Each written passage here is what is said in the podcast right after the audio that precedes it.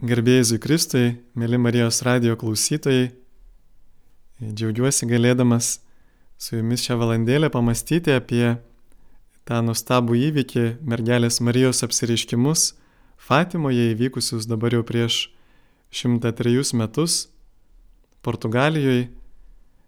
Fatima buvo tokia nedidelė vietovė ir joje mergelė Marija pasirodė trims piemenėliams, visiškai mažiems vaikams Tuo metu jiems dar buvo visai nedaug metų, e, Jacintai buvo vos septyneri, Pranciškui devyneri, Liucijai dešimt metų. Ir e, prieš tai, prieš pasakodamas apie tuos apsireiškimus, norėjau dar paliudyti ir savo tą ieškojimų kelią, kaip e, mano gyvenime Marijos apsireiškimai, kuo jie buvo svarbus. Prisimenu, kad kai atradau pamažu atradau Dievą ir e, stebėjausi visą tą, e, visų to grožių kūrinijos, tuo visatos grožiu. Tikrai sakiau, kad na, Dievas turi būti, kažkur turi būti. Bet yra šitiek daug religijų, įvairių tikėjimų, kurie skelbia skirtingus dalykus. Dar kaip tik tuo metu man labai patikdavo domėtis įvairiais New Age mokymais, tą ezoterinę literatūrą, kas dabar yra labai populiaru, pilni knygynai ezoterinių knygų. Ir e, tai, kas yra būdinga New Age tam visam judėjimui, tam naujam religingumui, kad juose yra labai daug apsireiškimų. Ir tose apsireiškimuose yra labai vairių žinių, jie bando kažkaip, na, nevamoksliškai pertikti dvasinius dalykus, kalba apie visokiausias energijas, apie visokiausias e, bioenergetikas ir panašiai, bet e, jų bendras bruožas yra tas, kad jie, e, na, jie kalba apie Kristų, apie Bibliją, bet visi tie neįžė apsireiškimai dažniausiai sako, kad Biblija yra pasenusi. Štai dabar dangus duoda naują mokymą, jo klausykime, priimkime, o Biblija jau yra atgyvenusi. Taip pat neįdžio apsireiškimai turi tokį bruožą, kad Jėzų Kristų pastato arba į visą eilę su visą eilę kartu su kitais e, žymiais e, istorijos žmonėmis, tokiais kaip Buda, Mahometas, na įvairių religijų kuriejais, kitaip sakant, Jėzų Kristų nuvertina. Ir štai mergelės Marijos apsireiškimai yra ženklai, liudijantis, kad e, ta mūsų religija, krikščioniškas tikėjimas, katalikų bažnyčios mokymas kad tai nėra žmonių sugalvota, kad tai kyla iš paties Dievo ir mergelė Marija tarsi patvirtina, kad šitie dalykai yra verti pasitikėjimo.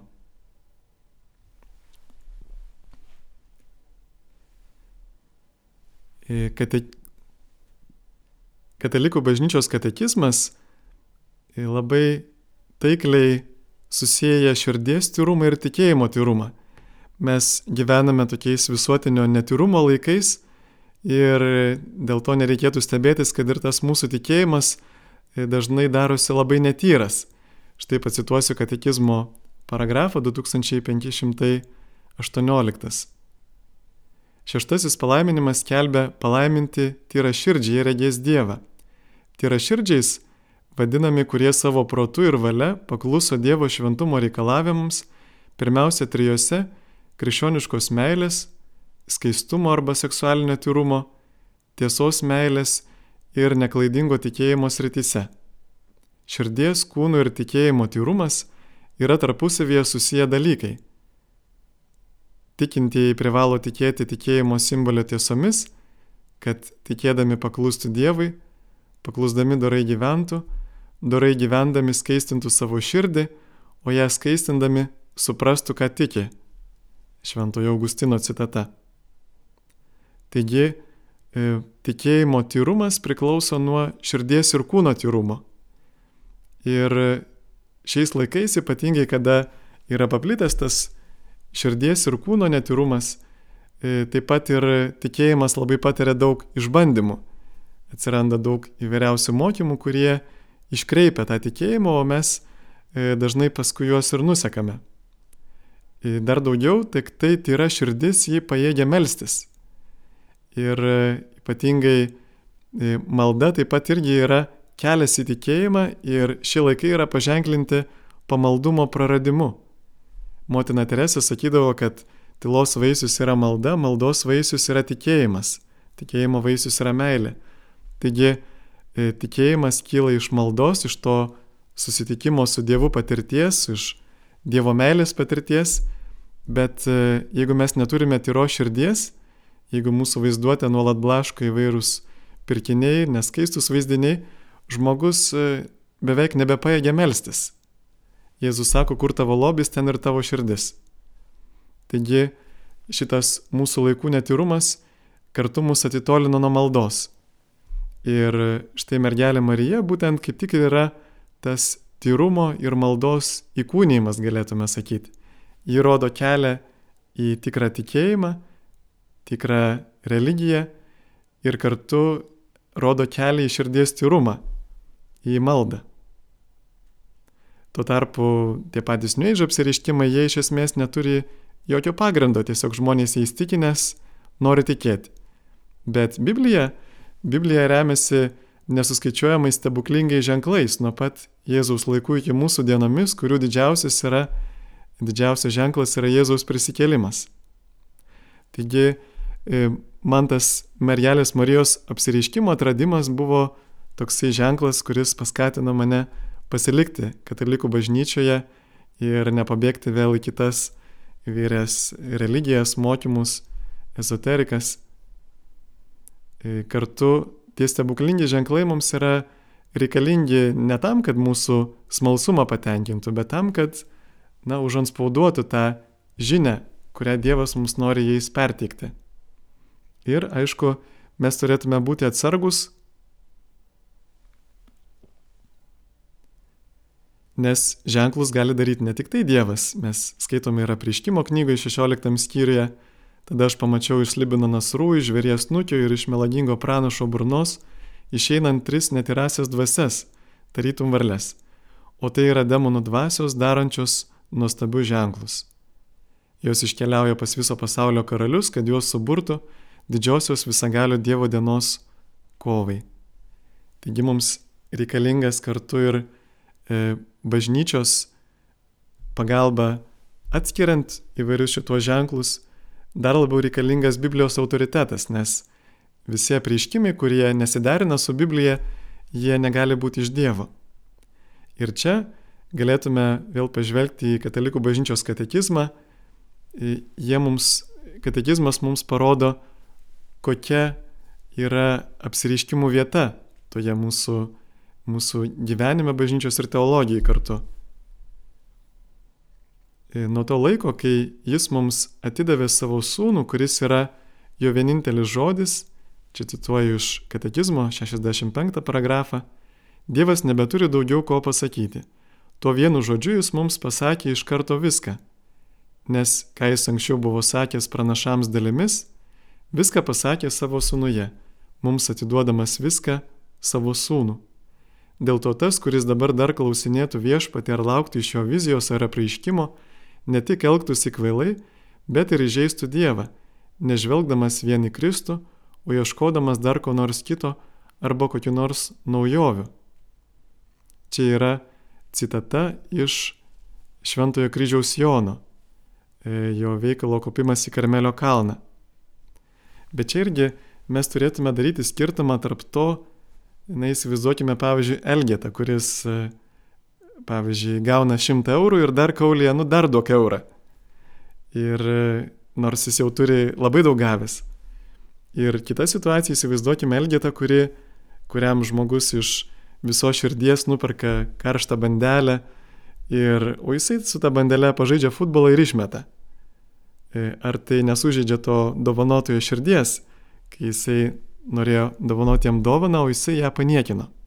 Taigi yra skirtumas labai didelis tarp to, kada mes prašome apreiškimų, e, norime kažkokių vizijų patirti regėjimų ir tarp to, kai mes neprimam to, ką Dievas pats mums duoda. Juk mergelė Marija ne pati ateina e, savavališkai, bet jie ateina Dievo siusta. Ir toliau Katalikų bažnyčios katekizmas rašo, amžiams bėgant yra buvę vadinamųjų privačių apreiškimų, kai kurie jų buvo bažnytinės valdžios pripažinti, tačiau jie nepriklauso tikėjimo paveldui. Jie turi nepagerinti ar papildyti galutinį apreiškimą, kuris yra Kristus, bet tam tikroje istorijos epochoje padėti jį pilnatviškiau įgyvendinti. Bažnyčios magisterijumo vadovaujami tikintieji gali atskirti ir pasirinkti tai, kas tuose apreiškimuose yra autentiškas, bažnyčia adresuotas, Kristaus ir jo šventųjų kreipimasis. Krikščionių tikėjimas negali priimti apreiškimų, kurie bando pranokti ar taisyti Kristaus užbaigtąją apreiškimą, to esti kai kuriuose nekrikščioniškose religijose ar šių dienų sektose, kurios remiasi tokiais apreiškimais. 67 kategizmo paragrafas. Vėlgi čia turėtume teisingai suprasti tą ištarą nepriklauso tikėjimo paveldui. E, tai nereiškia, kad e, tie privatus apreiškimai yra kažkokie tai antrarūšiai Dievo žodžiai, kad štai Jėzus kalbėjo paštalams, jau tai žodžiais mes turime e, vienaip tikėti, o kai Jėzus kalba kokiems nors šventiesiems, tai jau yra tik tai kažkokie tarsi tų Jėzaus žodžių kokia nors iškamša ar, ar kažkokia tai kopija. Tai yra tie patys Dievo žodžiai. Jėzus kalba ir ten, ir čia Jėzus kalba, bet nepriklauso tikėjimo paveldui, to norima pasakyti, kad e, šitų apsiriškimų tikslas yra kitoks. Nėra tikslas papildyti Biblijos, dar pridėti naujų knygų prie Biblijos, bet yra tikslas kaip tik ir priimti tą Bibliją, kurią Dievas mums davė. Prisiminkime tame pasakojame Jėzaus palyginimą apie Lozorių, kai tas turtuolis nukeliavo į, į pragarą ir jisai prašo, kad e, kas nors būtų siunčiamas iš dangaus, kad perspėtų jo brolius. Ir štai jam atsakoma, kad jie turi mozę ir, ir pranašus, jeigu jų neklauso, tai neklausys ir jeigu kas nors ir iš numirusių prisikeltų. Taigi mes turime Bibliją ir turime jos klausyti. Ir štai apsiriškimų vaidmuo ir yra tas, kad mus kreiptų link Biblijos. Apsiriškimų tikslas yra padėti mums patikėti, kad tai, kas parašyta Biblijoje, nėra pasenę, bet kad ta žinia mums yra labai aktuali, kad e, Jėzus Kristus tikrai yra vienintelis išgelbėjimo kelias.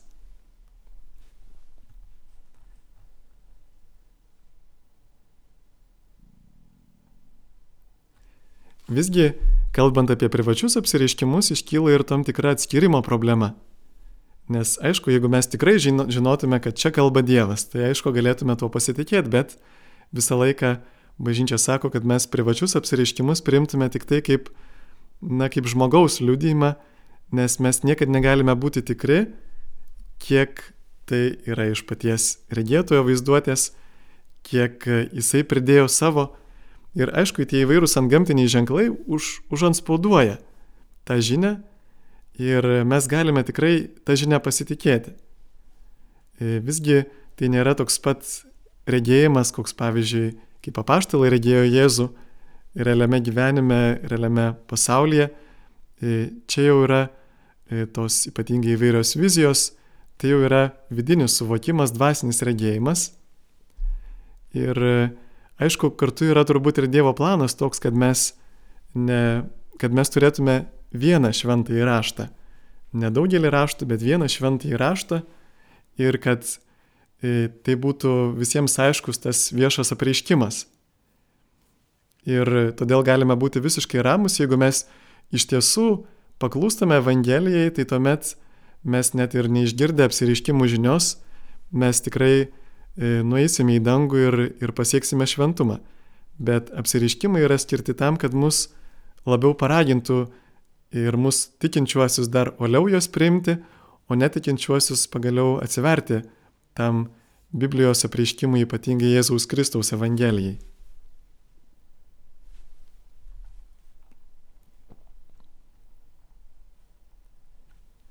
Popiežius Benediktas XIV dar prieš tapdamas popiežiumi 18 amžiuje yra tokį veikalą parašęs apie antgamtinius reiškinius ir jisai duoda labai gerą tokį palyginimą apie sadukėjus ir fariziejus. Sako, kad štai sadukėjai jie pripažino tik tai Torą, tik tai penkiaknygę ir jie mane, kad visi stebuklai, visas Dievo kalbėjimas baigėsi su Mozės mirtimi. jie nebetikėjo, kad Dievas gali toliau kalbėti per pranašus. Norėjo tarsi įspraus Dievą į tas penkias pirmasis Biblijos knygas. Ir savotiškai Dievas, kuris tyli, yra labai patogus Dievas. Panašiai ir šiandien daugelis bando neikti tuos stebuklus, apsiriškimus, panašiai kaip sadukėjai, na, norėdami uždaryti Dievą į Bibliją. Štai Biblijos apriškimas baigėsi, Dievo kalbėjimas baigėsi ir mes galime e, kartais netgi skaityti tas Biblijos vietas, kurias norime, e, taip kaip norime. Ir vis dėlto, nors apriškimas yra ir baigtas, bet jis nėra iki galo išaiškintas, atskleistas. Kaip vėl kalba katekizmas, krikščionių tikėjimas ilgainiui privalo laipsniškai atskleisti visą jo turinį. Pats Jėzus yra sakęs, kad dar daugelį jums turėčiau kalbėti, bet dabar jūs negalite pakelti. Kai ateis toji tiesos dvasia, jis įves jūs į tiesos pilnatvę. Ji nekalbės iš savęs, ji pašlovins mane, nesims iš to, kas mano, ir jums tai paskelbs. Net ir e, Jėzus kitoje vietoje kalba apie palyginimus, sako, aš jums vis kalbėjau palyginimais, bet ateis valanda, kada be palyginimų imsiu kalbėti ir atvirai apie tėvą jums kelpsiu. Taigi tie Jėzaus palyginimai tarsi užanspauduoja prieškimą ir mes be jo dvasios, mes negalime atverti to anspaudo tiksliai suprasti Jėzaus mokymą. Ir nors, pavyzdžiui, Jonas Krikščitojas buvo paskutinis iš Seno testamento pranašų, bet šventoji dvasia ir toliau siunčia pranašus. Apdovanojo juos pranašystės charizmą, nekarta ir apaštalas Paulius mini, kad pranašystė skirta ne netikintiems, bet tikintiems, siekite pranašystės dovanos, siekite meilės, taip pat rūpestingai ieškokite dvasinių dovanų labiausiai pranašavimo. Taigi, apaštalas Paulius, jisai atskleidžia, kad pranašystės dovana jinai niekur nedingo. Net ir po Jono Krikščitojo mirties Dievas vis dar siunčia pranašystės charizmą ir žadina pranašus. Ir e, Jozapas Ratzingeris dokumente Fatimo žinios teologiniai komentarai, jie paskelbti 2000 metais prieš pat paskelbent trečiosios Fatimos paslapties tekstą, e, jisai teigia, kad privatus apsireiškimai jie priklauso pranašavimo charizmai, susijusiai su laiko ženklų aiškinimu. Ir laiko ženklai, bažnyčia laiko ženklais laiko tuos visuotinės reikšmės įvykius, per kuriuos pasireiškia Dievo planas istorijai, kurie teikia viltį ateičiai. Laiko ženklai yra Dievo veikimo ženklai istorijai.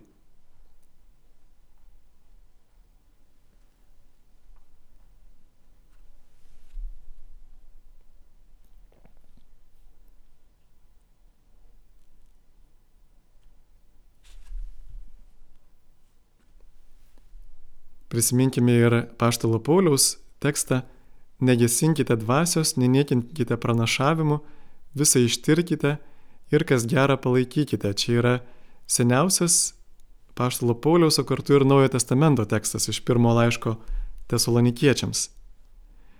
Taigi, Biblijos prasme tas pranašavimas yra ne kažkokia iškeregystė, ne ateities įvykių tikslus atskleidimas, bet Dievo valios dabarčiai aiškinimas, parodantis teisingą kelią į ateitį.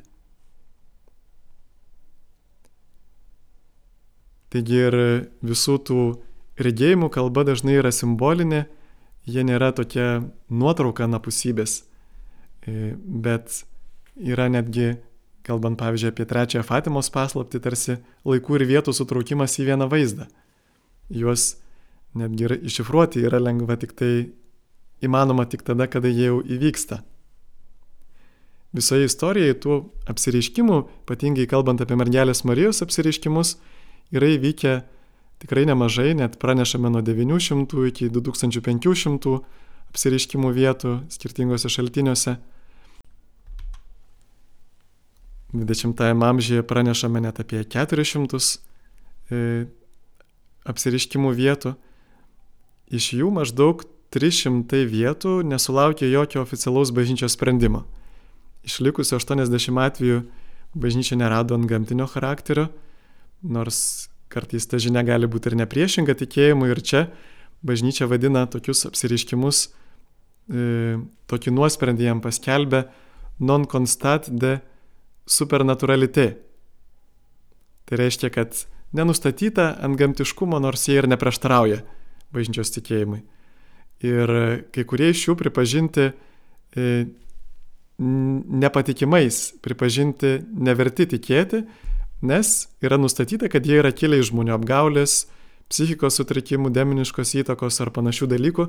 Ir čia latiniški žodžiai yra constade non supernaturalite.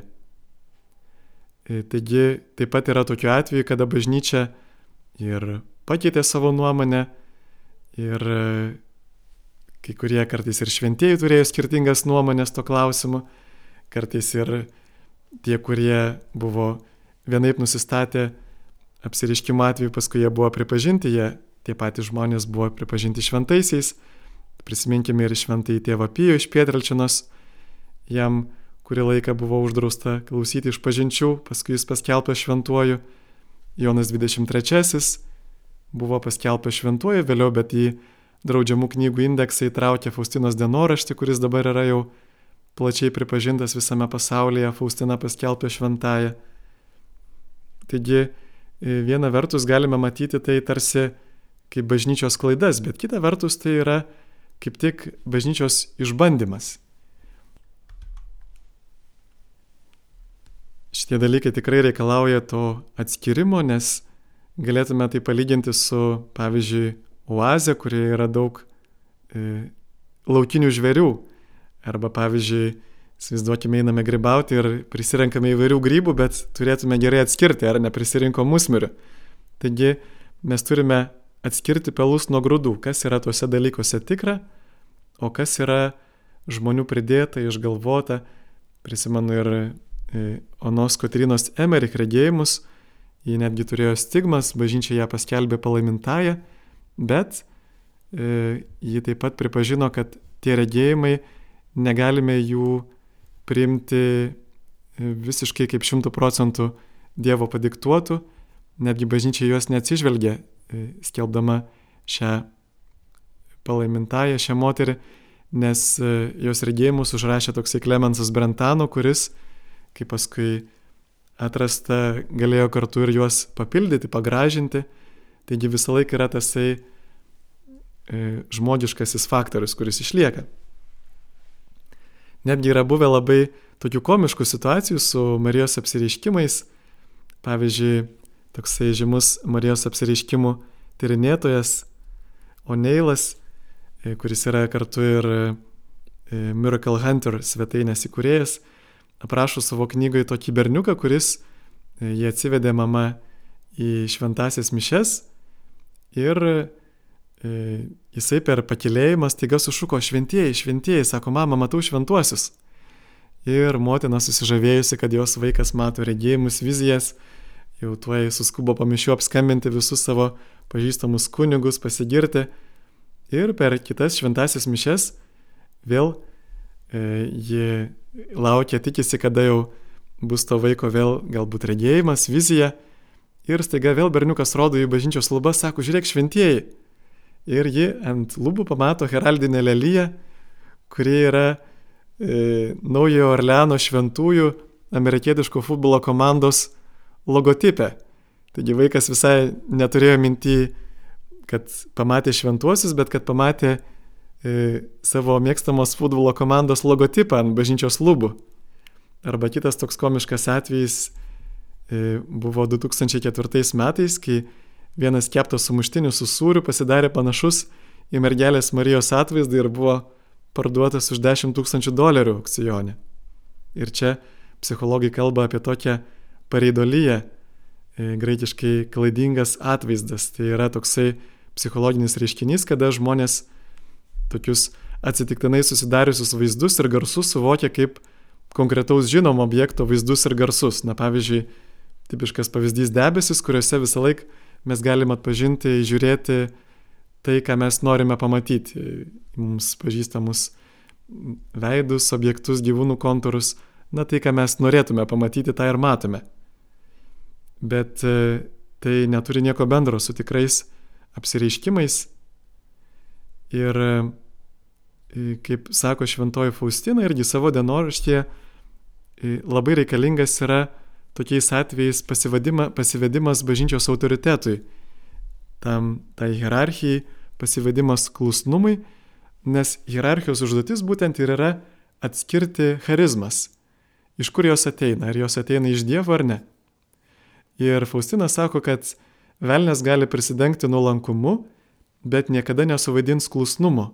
Velnio puikybė yra klusnumas net nepakeliamas. Todėl praktiškai tai yra pirmoji taisyklė, kurią išbandomi visi regėtojai, visi apsiriškimai yra klusnumas.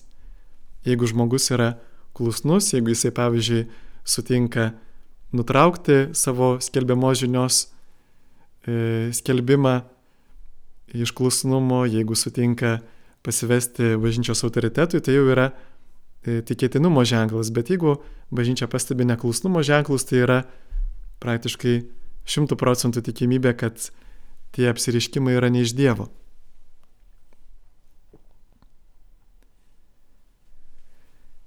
Ir galėtume vėlgi klausti, kuo svarbi ta apsiriškimų žinia. Mes ir e, Marijos radijoje dažnai kalbame apie e, mergelės Marijos apsiriškimą Šilovoje.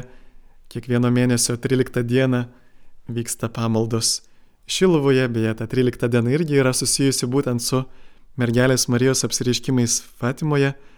Ir Fatimos apsiriškimai turbūt yra patys svarbiausi, patys žinomiausi e, ir tokie netgi, sakytume, garsiausi apsiriškimai.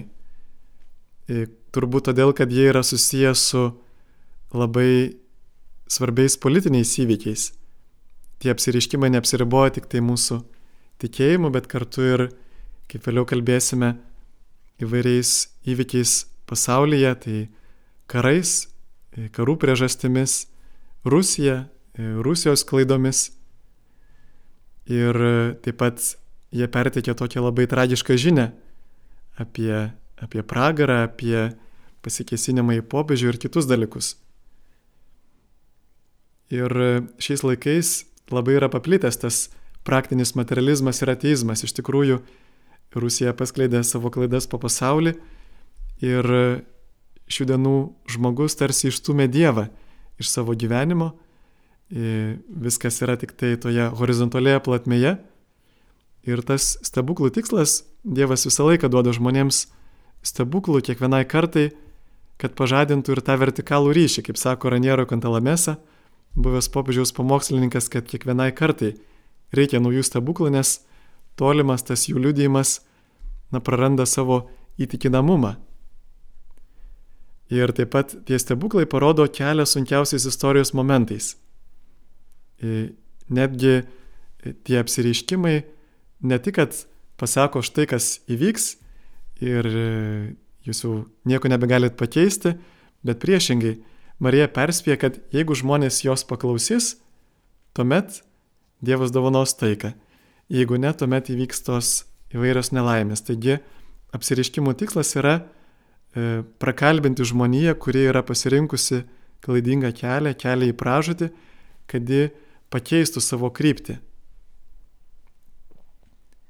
Karlas Raneris, žymus teologas, sako, kad mariologija mums tokia svarbi ir reikšminga, nes ji teigia tiesą, kad kiekvienas žmogus yra atsakingas už savo artimo išgelbėjimą ir gali jį užtarti melzdamasis, aukodamasis ir pagelbėdamas. Taigi mes nesam atsakingi vien tik už save, negalim sakyti, kad Jėzus viską padarė už mus ir mes galim ramiai savo gyventi savo gyvenimą, bet būtent e, apsiriškimą mus kviečia į tą e, Evangelijos žinios nešimą kitiems, į tą atsakomybę už kitų išgelbėjimą. E, vienoje deklaracijoje dėl apsiriškimų pripažinimo Ruandoje vietos vyskupas rašo, kad pripažintas apsiriškimas, kuris stiprina tikėjimo ir maldos gyvenimą, yra iš tiesų galinga pagalba sielų ganytojams.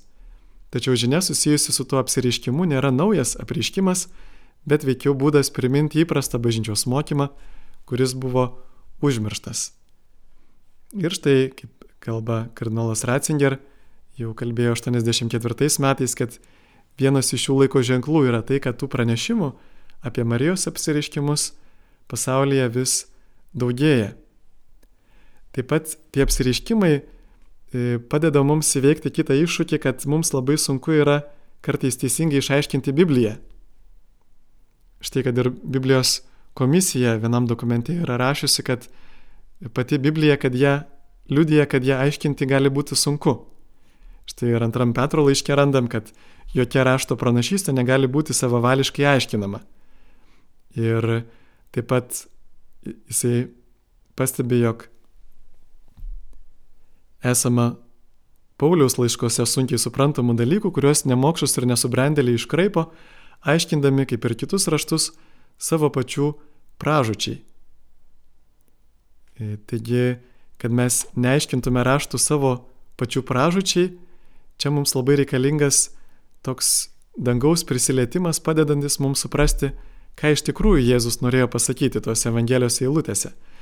Juk pavyzdžiui prisiminkime ir visas bažnyčios istorinės klaidas, inkviziciją, kryžiuočių veiklą nešant tikėjimą kardu, juk tai irgi kilo iš e, klaidingo Biblijos suvokimo. Pavyzdžiui, va, tas žymus kompelį intrarė, latiniškai varu atvaryk. Jėzus kalbėjo tą palyginimą apie e, pakvietimą į pokelį ir kad pakviestieji nenor, nepanoro ateiti ir jis tada karalius sako, tai iki patvarius ir varu atvaryk visus, kad mano namai būtų pilni. Tai štai bažnyčia suprato tą varu atvaryk tarsi Dievo leidimą priversti kitus žmonės priimti krikščionybę. Ir, ir čia matome to vaisius, mes dar ilgai jaučiame kaip lietuviai tą nuoskaudą, kad štai atnešė mums krikščionybę su kardu.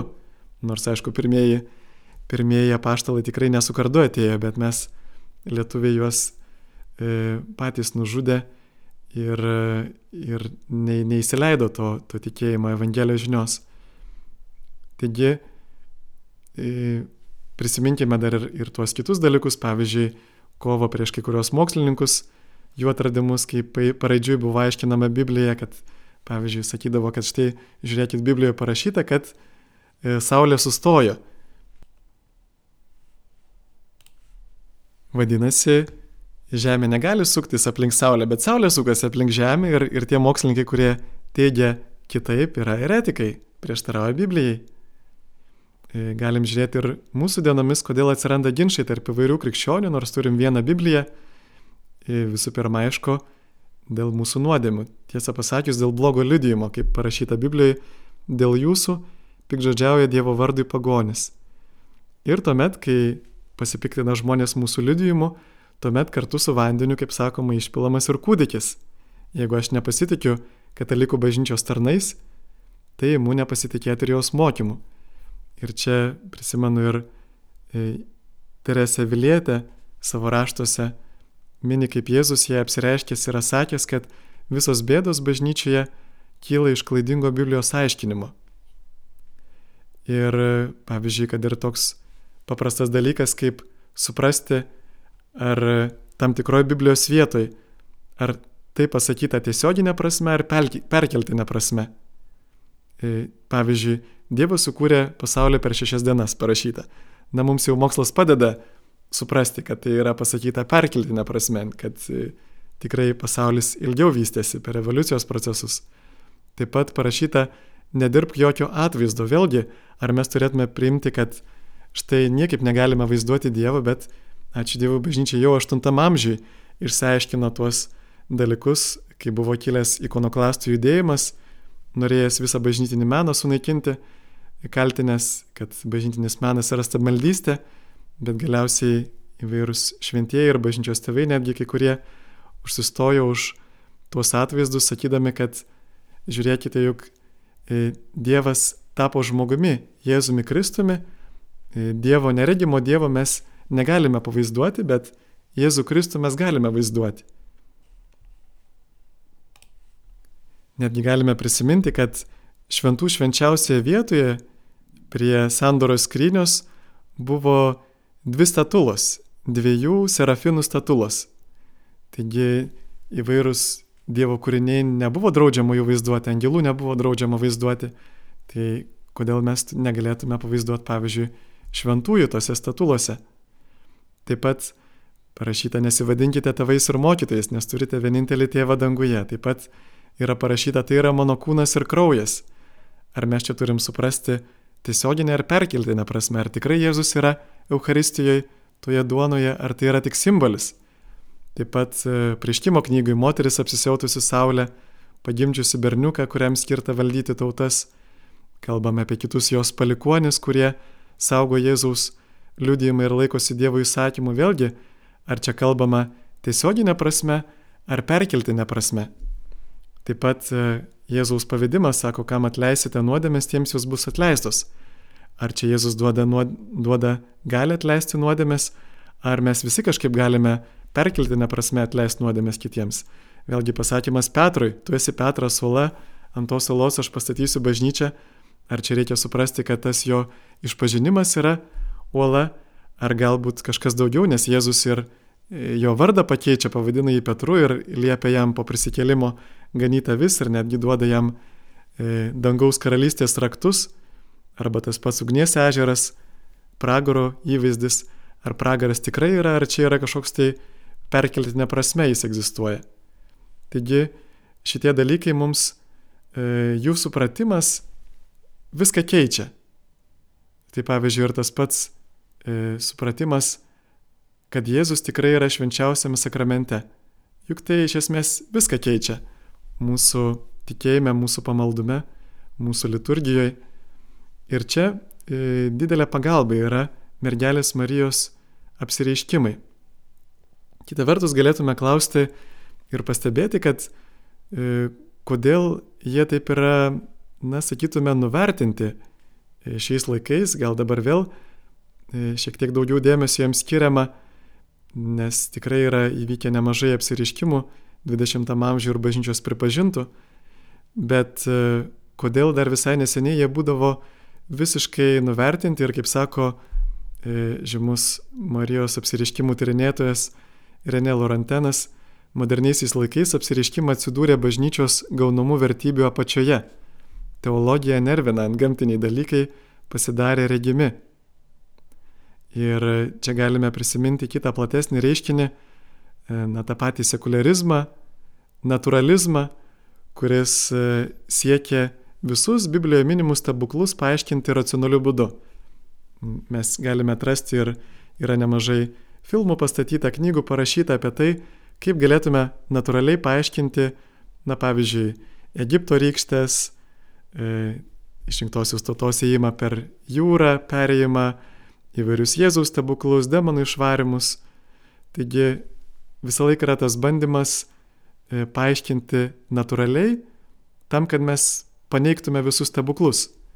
Ir čia būtent reikėtų skirti irgi naturalizmą, kuris yra metodas, mokslinis metodas, raginantis e, ne, nenurašyti visko ant, ant gamtiniams reiškiniams, bet pasitelkti savo protą ir tirti tai, ką mes galime ištirti. Ir naturalizmą kaip filosofiją, kuri sako, kad stebuklų nebūna. Visus reiškinius mes galime paaiškinti natūraliu protu, o tai reiškia, kad neegzistuoja nei Dievas, nei angelai, nei dvasinis pasaulis, e, nei pomirtinis gyvenimas, nei žmogaus siela, egzistuoja tik materialūs dalykai. Taigi štai tas ateistinis naturalizmas, kuris yra labai paplitęs, e, kuris peržengia to mokslo tyrinėjimų ribas. Taip pat e, visoje bažnyčios istorijoje irgi yra buvę to piknaudžiavimo apreiškimais. Yra ir e, prisimename, kai mergelė Marija apsireiškė Lurdę ir paskui atsirado dešimtis regėtojų aplinkui kaimuose, kurie sakė, kad matė mergelę Mariją. Taigi bažnyčiai tikrai yra nelengva, nelengvas uždavinys atskirti, atpažinti, kur čia yra tikra, o kur yra žmonių vaizduotės vaisius. Arba dar blogiau, kur yra e, demono apgaulė. Ir čia galime perėti ir prie Fatimo žinios, e, kuo jinai yra tokia svarbi mūsų laikais iš viso, kas, kas įvyko toje Fatimoje. Dar prieš tai galima pasakyti, kad turbūt neatsitiktinai tie apsiriškimai įvyko Fatimai, nes kas yra Fatima? Fatima buvo e, pranašo Mahometo jauniausia dukra. Tai yra labai svarbus žmogus musulmonams. E, Fatima yra populiariausias moters vardas musulmonų pasaulyje, o mergelė Marija yra E, vienintelė moteris, Korane minima ir ji yra labai musulmonų gerbiama, kaip ir Jėzus beje. Taigi galėtume netgi manyti, kad Dievas per Fatimos apsireiškimus taikė ne tik tai į krikščionis, bet ir į musulmonus. Šita žinia apie atsivertimą yra skirta visai žmonijai. Čia irgi prisimenu vieno žymaus teologo pastebėjimą, kad Marijos apsireiškimai yra kažkoks naujas reiškinys bažnyčios istorijoje, kurio negalime priskirti nei viešam apreiškimui, nei privatiems apreiškimams. Aišku, privatus jie yra tuo, kad e, e, apsireiškia privačiai Dievas kažkam tai, bet jų žinia yra visuotinė. Štai tie mergelės Marijos apsireiškimai ir išsiskiria tuo, kad jie yra skirti, dauguma jų skirti visai žmonijai. Yra minima, aišku, ir Fatimos apsireiškimuose minima ir ta šalis, jų gimtoji Portugalija, jos likimas, bet kartu minimas ir visas pasaulis.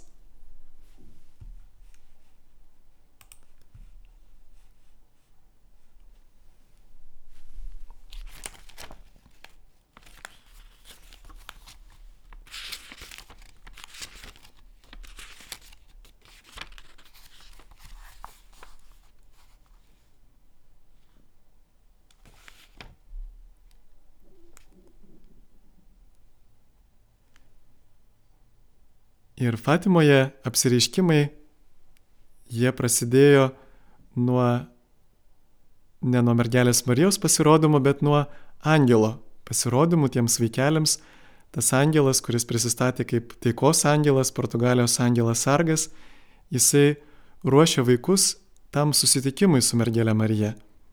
Ir kaip rašo sesė Liucija, jinai vienintelė išliko e, gyva po tų apsiriškimų, nes Jacinta Marto, ta septyniarių metų mergaitė, Pranciškus Marto, jos broliukas devyniarių metų, jie e, visai po, po keletos metų iškeliavo į dangų, kaip jie sakė, mergelė Marija juos pasiemė į dangų, o Liucija paliko, kad ji toliau skleistų e, šitą Fatimos apsireiškimų žinę. Ir yra įvykę trys angelo apsiriškimai ir angelas vaikus mokė visų pirma maldos.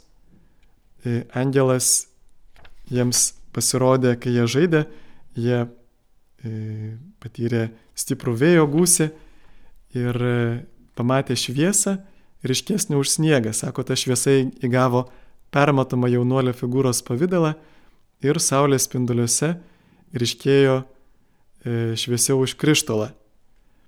Ir tas jaunuolis, kaip e, Liucija rašo, buvo apie 14-15 metų neišpasakytų grožio jaunuolis. Buvome nustebę, beveik užburti, negalėjome ištarti nei žodžio ir jisai prieės prisistatė, nebijokite, aš taikos angelas, melskite su manimi. Jisai parpuolė kniupščias, nulenkė galvą iki pat žemės, tie vaikai taip pat pakartojo tą patį ir jisai juos išmokė tokios maldos. Mano Dieve, tikiu tave, garbinu tave, lenkiuosi tau, myliu tave, prašau tavo atleidimo tiems, kurie netiki, negarbina, nesilenkia tau ir nemyli tavęs. Jis pakartojo tą maldą tris kartus. Mano Dieve, tikiu tave, garbinu tave, lenkiuosi tau, myliu tave, prašau atleisti tiems, kurie tave netiki, tavęs negarbina, nesilenkia tau ir nemyli tavęs. Ir pasakė, kad melskitės taip ir Jėzaus ir Marijos širdis išgirs jūsų maldas. Tie vaikeliai dar ilgai kartojo tą maldą ir jiems net nesinorėjo pasakoti apie tai. Sako, tai buvo labai intimu, ta, ta patirtis, tas susitikimas su angelu. Ir čia vėl dėmesio galėtume e, irgi įtariai žiūrėti tuos žmonės, kurie eina visiems ir labai stengiasi papasakoti savo vizijas, ką jie matė, kaip ten šviesas regėjo sklindančias įvairias. E, Liucija, jinai rašė vien tik iš klusnumo, jinai visiškai nenorėjo šitų dalykų pasakoti. Antrame angelo apsiriškime jisai e, juos vėl vaikus atrado žaidžiančius ir šiek tiek sudraudė, sako, melskitės, karštai melskitės, švenčiausios Jėzaus ir Marijos širdis kilendvasiškai nukreiptos į jūs. Be paliovos siūskite aukščiausiem maldas ir aukas. Čia štai angelas užsimena apie tai, kad mes Dievui galime siūsti aukas, aukotis. Angelas atsakė, kad e, paukoti galime Dievui viską.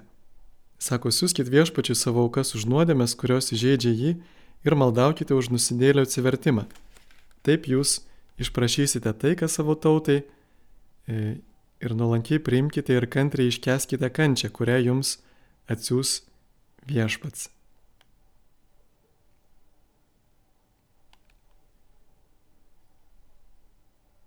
Ir čia toliau Liucija rašo, kad tie angelo žodžiai įsmigo į mūsų dvasę kaip kokia šviesa, leidusi suprasti, kad kas yra Dievas, kaip Jis mus myli, kaip Jis nori būti mylimas, supratome aukos vertę ir tai, kaip jam patinka, kad mūsų pasiaukojimas gali atversti nusidėlius.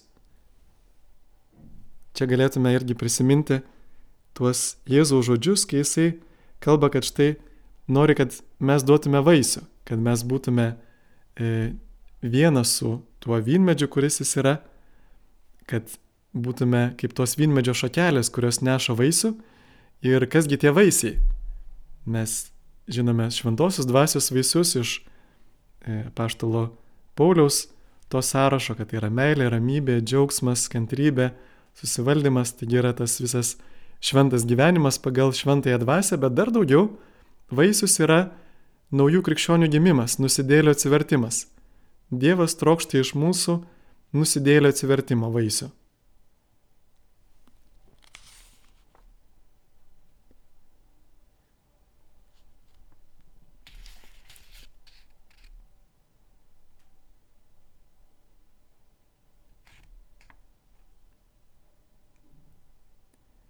Trečią kartą pasirodęs angelas juos išmoko dar kitą maldą - Šventoji trejybė, tėvė, sunau ir šventoji dvasia, giliai tave garbinu, tau aukoju brangiausiai kūną ir kraują, sielą ir dievystę, Jėzaus Kristaus esančio visose pasaulio tabernakuliuose, kaip atlyginimų už įžeidimus, šventvagystės ir šaltumą, kurie tave užžeidžia. Per jo švenčiausios širdies ir nekalčiausios Marijos širdies nuopelnus tavęs prašom nusidėlio atsivertimo.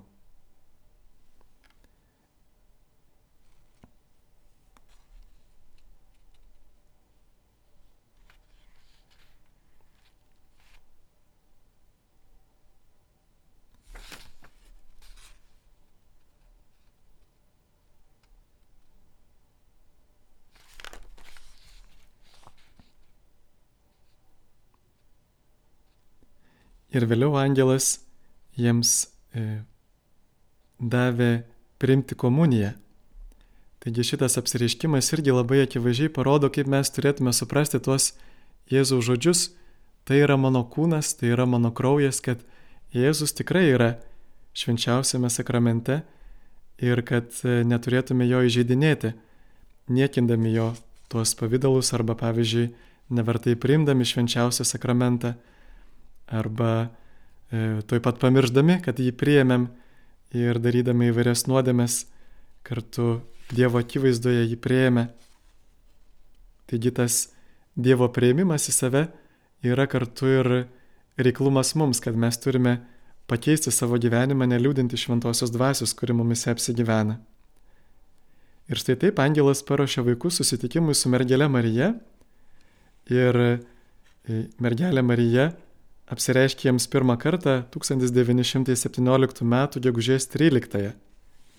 Kaip rašo Liucija, pasirodė ponia baltai apsirengusi švytinti kaip saulė, spinduliuojanti šviesą ryškesnė nei tviskanti saulės spinduliuose vandens pilnas krištolinis indas. Ir rašo, kad jos veidas buvo nei liūdnas, nei linksmas, nei rimtas, rankos sudėtos maldai, ant dešinės jos rankos kabojo rožinio verinys Jos rūbai atrodė nausti šviesos, baltas apseustas dengė ją nuo galvos iki kojų ir net buvo sunku apsakyti jos veido bruožus, nes buvo labai akinantis to veido žiūrėjimas. Čia vėlgi galėtume atkreipdėmėsi, kad Marija pasirodo kaip moteris apsisiautusi saulė. Prisiminkime prieškimo knygos 12 skyrių, kuriame vaizduojamas tas didingas ženklas - moteris apsisiautusi saulė, po jos kojų menulis, virš jos dvylikos žvaigždžių vainikas ir kuri kovoja su slibinu. Ir slibinas metasi kautis, persukėjo moterį ir galiausiai grūmėsi su jos kitais palikuonėmis.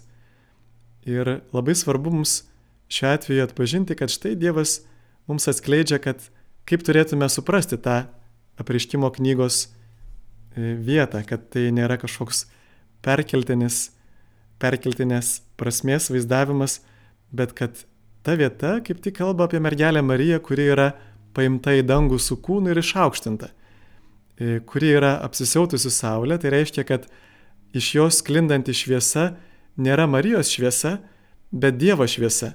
Tai reiškia, kad Marija yra taip stipriai susivienijusi su Dievu, kad ji tapo viena su juo. Vėlgi, e, jie atskleidžia mums tą mūsų būsimąjį sudėvinimą. Kaip ortodoksai krikščionys dažnai kalba, mes kalbam apie šventumą, jie kalba apie šventumą kaip apie sudėvinimą, kad mes tapsime danguje panašus į Dievą. Ir štai mergelė Marija jau atskleidžia tai, kas ir mūsų laukia.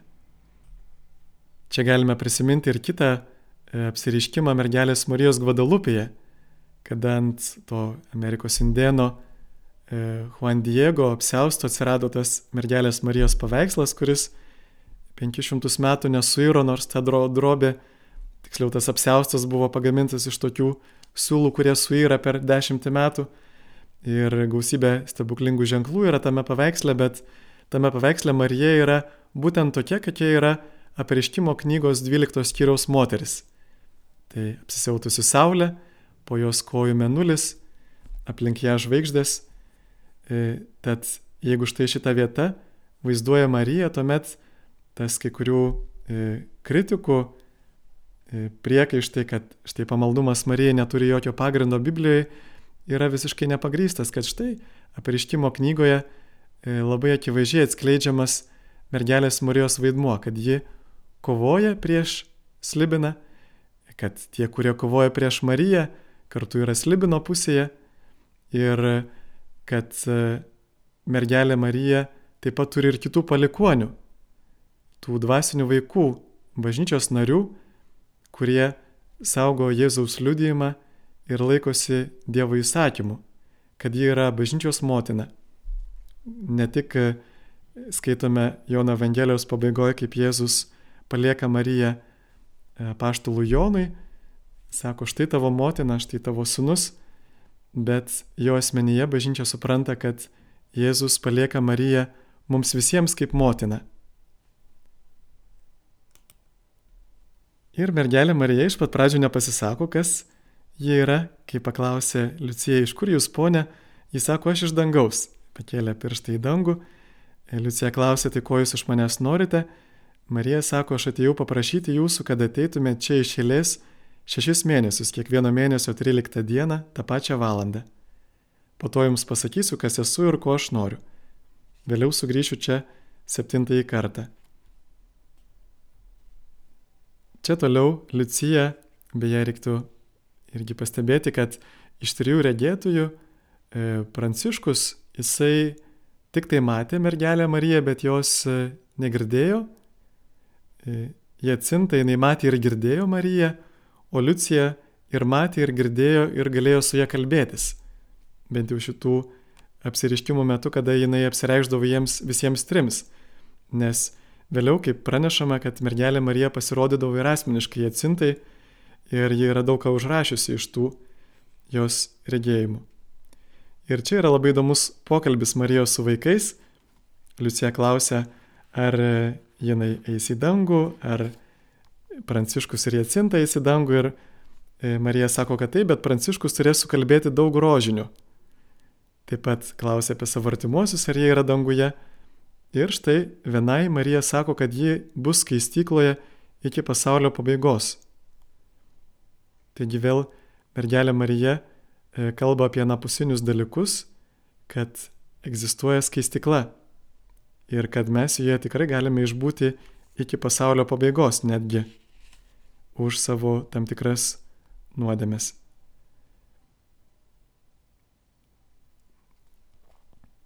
Ir čia toliau yra labai svarbus mergelės Marijos klausimas. Jis sako, ar norite pasiaukoti viešpačiui ir iškesti visas kančias, kurias jis jums pasiūs už nuodėmės, jį užgavusias ir už nusidėlio atsivertimą. Vaikai atsakė, taip norime, ir tada Dievo motina sako, kad turėsite daug kentėti, tačiau Dievo apvaizda jūs sustiprins.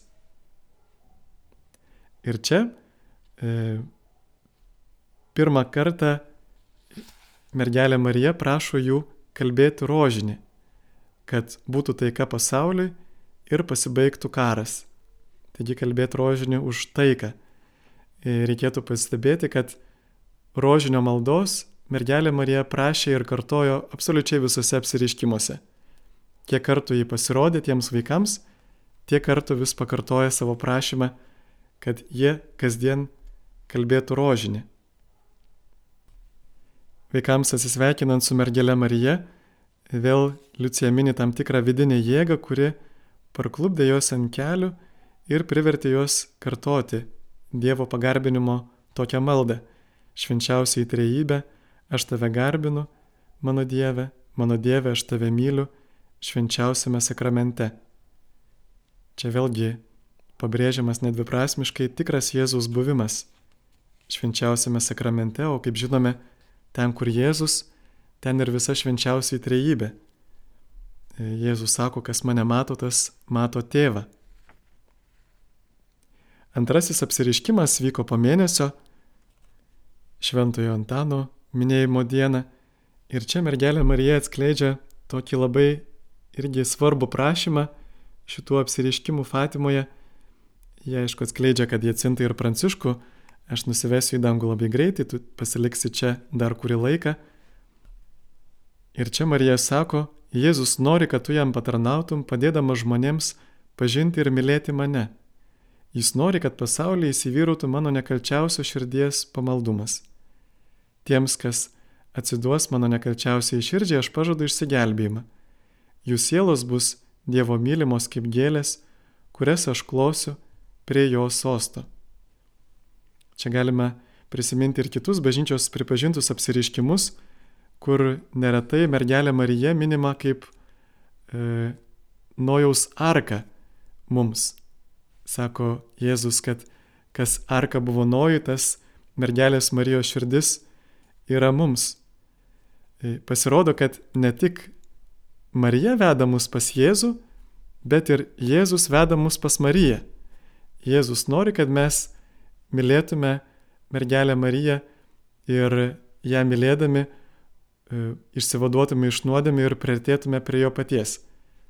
Kaip matėme ir tame regėjime mergelės Marijos, ji yra apsisiautusi saulė, ji nėra kažkoks atskiras nuo E, atsiskyręs nuo Dievo asmuo, bet mergelės Marijos e, visa būtis yra visiškai susivienijusi su Dievu. Kai mes priartėjom prie Marijos širdies, mes taip pat priartėjome prie Dievo, kuris joje gyvena. Čia vėl galėtume mąstyti, kodėl yra toks svarbus tas pamaldumas nekalčiausiai Marijos širdžiai, kodėl Jėzus nori būtent per tai gelbėti sielas nuo pragaro. E, kaip jau minėjau pradžioje, ta širdies tyrumas ir malda ir tikėjimo tyrumas yra labai susiję. Ir mes labai aiškiai matome šių dienų pasaulyje, kaip yra stipriai paplitęs netirumas, pornografija, įvairios kūno nuodėmės. E, mes žinom, kad pavyzdžiui per antrąjį pasaulinį karą žuvo, na per du pasaulinius karus žuvo šimtas milijonų žmonių Ir šiais laikais niekas apie tai garsiai nekalba, bet tiek pat vaikų yra nužudoma motinos iščiose kas dviejus metus. Kas dviejus metus pasaulyje tiek vaikų negimusių yra nužudoma, kiek mirė žmonių per du pasaulinius karus pasaulio istorijai. Taigi pasaulis tikrai yra pasirinkęs labai blogą kryptį ir tai atsiranda dėl žmonių stabmeldystės. Seksas yra tapęs stabu, kuriam aukojami žmonės. Ir čia galėtume prisiminti irgi Lurdę mergelės Marijos apsiriškimą, kaip jis sakė, kad aš esu nekaltasis prasidėjimas. Ji ne tik yra nekaltai pradėtoji, bet ji yra mūsų nekaltasis prasidėjimas, ji savo pavyzdžių, malda užtarimu, e, savo meilę padeda mums e, nekaltai atgimti, atgimti iš aukštybės, iš šventosios dvasios gyvenimui, kuris atmeta, kaip sako paštalas Paulius, visus e, savo ankstesnio gyvenimo geismus, pakleidimus, nuodėmes ir mes pradedame gyventi tyrą gyvenimą su Jėzumi ir šventąją dvasia.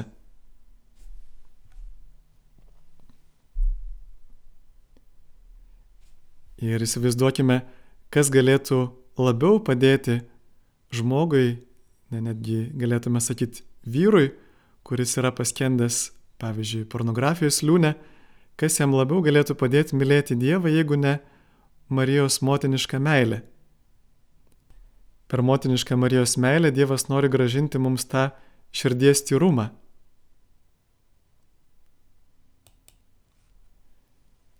Kad mes vėl pradėtume mylėti e, ne tik mergelę Mariją, bet ir, ir patį Dievą. Ir kalbant apie širdies tyrumą, irgi pažvelkime vaikus, jie turėdami tyrą širdį, jie myli visus žmonės, ir savo tėvus, ir tėtį, ir mamą, ir brolį, ir seserį, bet e, pažvelkime į paauglį, kuris kovoja su savo e, geismais, e, bundančiais e, hormonais ir ypatingai dar mūsų visuomenėje, kada, kurie yra tiek persmelkta to netirumo, jam pasidaro labai sunku mylėti kitus žmonės. E, ta jo meilė susiaurėja iki gražios merginos meilės. Kuo meilė yra tyresnė, tuo ji yra platesnė, tuo širdis mūsų yra atveresnė įvairiems žmonėms. Net yra meilė myli tik tai e, mielą, gražų, malonų priešingos lyties asmenį. Ir kaip netiram žmogui, to labiau vyrui, kaip jis galėtų mylėti Jėzų, kaip jis gali mylėti Dievą. Ir štai čia mergelės Marijos širdis yra didžiulė pagalba. Ji mums padeda mylėti, mylėti ją ir moko mus taip pat mylėti Jėzų.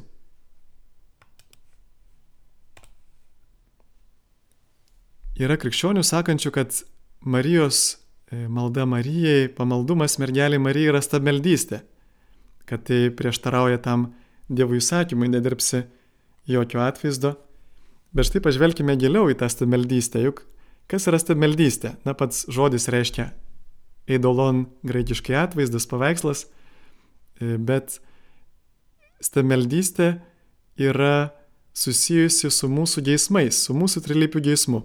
Paštalas Jonas pirmajame laiške, laiške kalba, kad e, pasaulis, kas yra pasaulyje, tai yra trilypis geismas. Kūno geismas, akių geismas ir gyvenimo puikybė.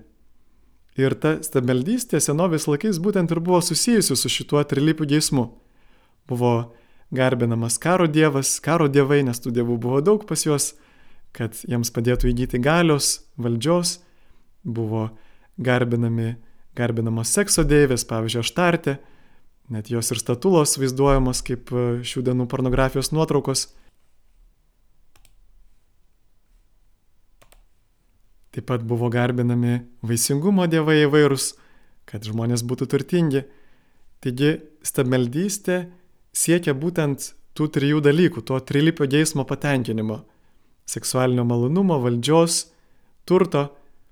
Ir kalbėti, kad pamaldumas mergeliai Marijai yra stabeldystė, yra visiškai, visiškas nesusipratimas, nes mergelė Marija kaip tik ir kūnija to trilipio geismo priešingybę skaistumą, neturtą, klusnumą ir visišką atsidavimą Dievo valiai. Ir aišku, mes neturėtume mergelės Marijos garbinti, vėlgi, kaip e, sako Moze, nenukrypkite nei į kairę, nei į dešinę. Nes žinom, yra pirmas Dievo įsakymas neturėk kitų dievų, tik mane vieną, bet yra ir ketvirtas Dievo įsakymas gerbk savo tėvą ir motiną. Taigi šventuosius bažnyčia tiesiog gerbė, E, bažnyčia gerbė ypatingai, net yra toks kultas vadinamas graikiškai hiperdulyje, ypatinga pagarba, bet tai nėra tokia pagarba, kuris skiriama Dievui, graikiškai vadinama latryje. Taigi e, lietuvių kalba versti, kad mes rodom ypatingą pagarbą Marijai, kas yra gerai, bet versti žodžiu garbinimas vis dėlto netinka, tai sukelia tikrai tokia dviprasmybė. Mes negalime garbinti Marijos, bet mes garbiname Dievą, kuris taip pat yra ir tobulai susivienęs su Marija, kuris gyvena Marijoje tarsi komunija yra tabernakulyje, taip Dievas yra susivienęs su mergelė Marija. Tuo tarpu statulos atvaizdai tai yra antrailis dalykas, na tas pats kaip, pavyzdžiui, yra žmonių, kurie nešiojasi savo piniginiai mamos nuotrauką. Tai argi dabar sakysime, kad jie e, užsima stabmeldystę, todėl kad turi mamos nuotrauką. Ta pati statula, tai galėtume sakyti, yra nuotrauka tik 3D formatu. Taigi svarbiausia čia yra ne tas išorinis, raidinis e, dalykas kaip statulos ar atvaizdai, bet žmonių intencija, kad jie, būdami stemeldžiai, garbina dalykus, kurie yra susijęs su turtu, valdžia ir malonumais. Ir mes šiais laikais turime labai daug stabų, kuriuos mes taip pat garbiname ir tai toli gražu e, neturi nieko bendro su pamaldumu mergeliai Marijai. Vėlgi galėtume klausti, ar iš viso mes galime melstis Marijai, e, juk Dievo mes prašome, į Dievą melžiamės. Bet štai pažvelkime į visą Biblijos istoriją, į užtarimo visą tradiciją. Žiūrėkime ir Abromas, ir Moze, ir pranašai, ir vėliau apaštalos Paulius jau po Jėzaus e, žengimo į dangų kalba apie užtarimą, apie reikalą melstis vieniems už kitus. Tai įsivaizduokime, jeigu aš galiu ateiti pas savo mamą ir paprašyti mamą pasimelsk už mane, arba pavyzdžiui savo bažnyčiose mes dažnai prašome užtarimo maldos. Tai ar tai nėra tas pats, kai mes paprašome mergelės Marijos, kad ji už mus melstusi ir, kaip sako Jono Evangelija, kad Dievas neteisiaus žmogaus neišklauso, bet išklauso to, kuris yra teisus, kuris vykdo jo valią. Taigi, kada mes prašome šventųjų užtarimo, mergelės Marijos užtarimo, mes turime vilti, kad Dievas tikrai išklausys mergelę Mariją dėl jos tobulo nuolankumo paklusnumo Dievo valiai. Ir mergelė Marija yra išaukštinta Dievo, tas yra tiesa. Ir tai nėra žmonių išgalvojimas, bet yra Dievo valia, netgi Dievo pažadas. Jisai sako, kas save žemina, bus išaukštintas. E, taip pat mergelė Marija yra išaukštinta ir dėl to, kad ji kentėjo su Jėzumi po kryžimi. Įsivaizduokime, ar gali būti didesnis skausmas motinai, kaip matyti savo sūnų įvairiai niekinamą, kankinamą, ji net ir nors ir nebuvo pati nukryžiuota, bet jos širdis tikrai buvo nukryžiuota po kryžiumi. Ir apaštalas Paulius toliau sako, kad jeigu su juo kenčiame, su juo ir būsime pagerbti. Taigi mergelės Marijos pagerbimas kyla iš Dievo valios. Ir jis nei truputėlio neprieštarauja šventam raštui, kaip tik tai yra, galėtume sakyti, ketvirtojo Dievo įsakymo įvykdymas. Ir taip pat juk mes tikėjimai išpažinime kiekvieną sekmadienį kartojame tikiu šventųjų bendravimą. Taigi kas yra tas šventųjų bendravimas, jeigu ne tai, kad mes galime vieni kitus paremti savo maldą, savo užtarimu, savo gerais darbais, mes esame tarsi susisiekiantis indai. Jeigu vienas narys daro nuodėmę, tai kenčia visa bažnyčia. Jeigu vienas narys priartėja prie Dievo, tai e, kartu paskui save patraukia ir visa bažnyčia. Taigi mes visi esame susiję. Ir Dievas nėra mirusiųjų, bet gyvųjų Dievas. Abromo, Izoko, Jokūbo Dievas. Ir mergelė Marija jinai nėra mirusi, bet jinai toliau atlieka jai skirtą Dievo vaidmenį. Ji toliau vykdo Dievo valią, toliau dalyvauja išgelbėjimo plane.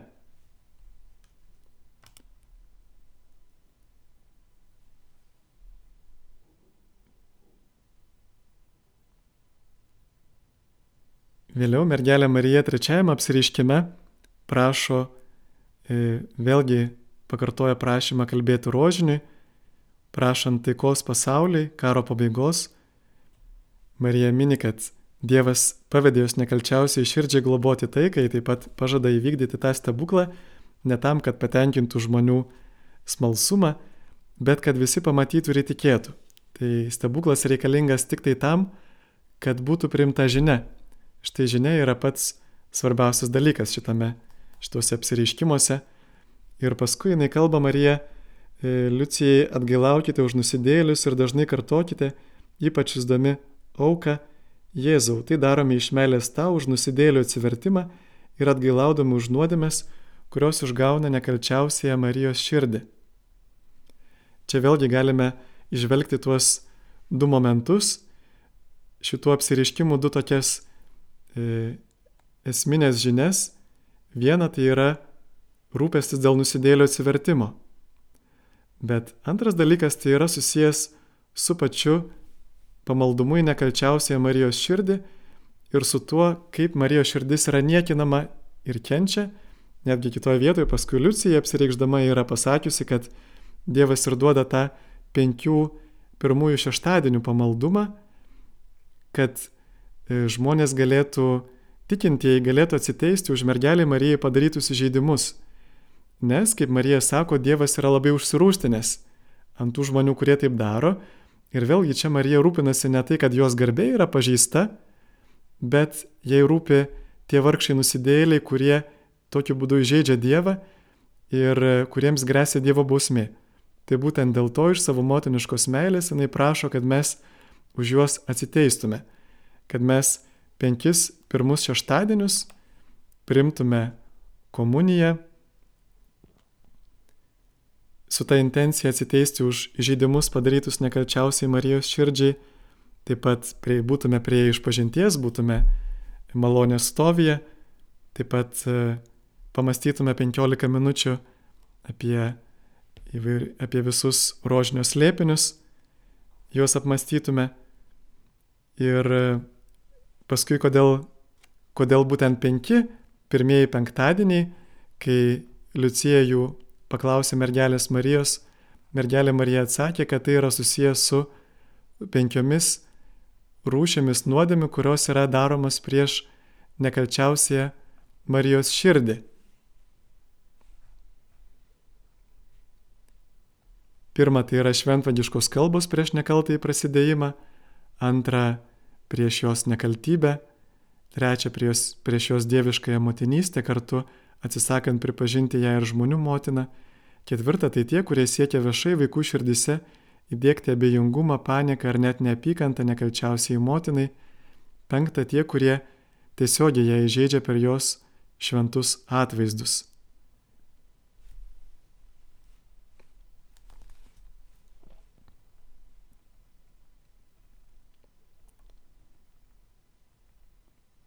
Taigi galėtume sugrįžti prie pamaldumo Marijai, kad e, Dievas veikia visą laiką, e, jis viską galėtų pats padaryti.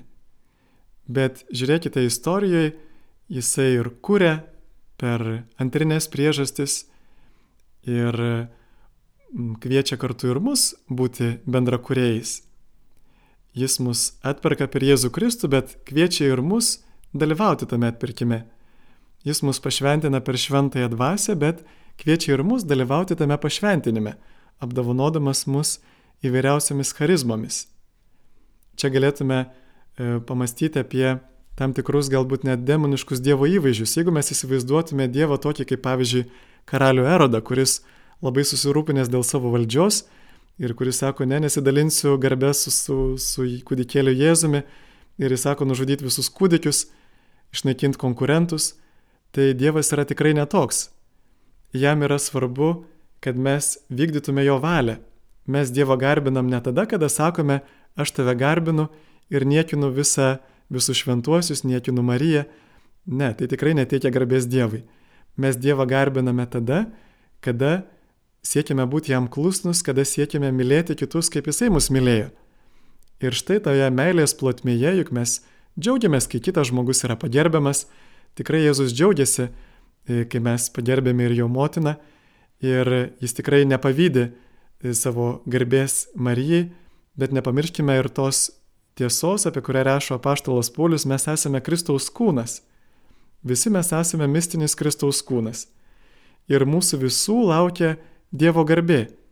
Jėzus nori pasidalinti savo garbę su mumis, todėl jis mums leidžia kartu su juo kentėti, melstis, kartu užtarti, kartu darbuotis dėl kitų išganimo. Taigi e, čia irgi raktinis žodis yra sandora. Dievas nelaiko mūsų kažkokiais tai, na žinot, pavyzdžiui, augintiniais gyvūnėliais, kurias žmonės paširia, pamaitina, paglostų ir kuriems nieko nereikia daryti. Bet Dievas kviečia mus į partnerystę, į sandorą, kad mes kartu su juo viską darytume. Prisiminkime net ir tame pasakojime apie Domą, Dievas net jau Adomui paveda globoti, rūpintis, įdirbti tą sodą, kurį jisai sukūrė.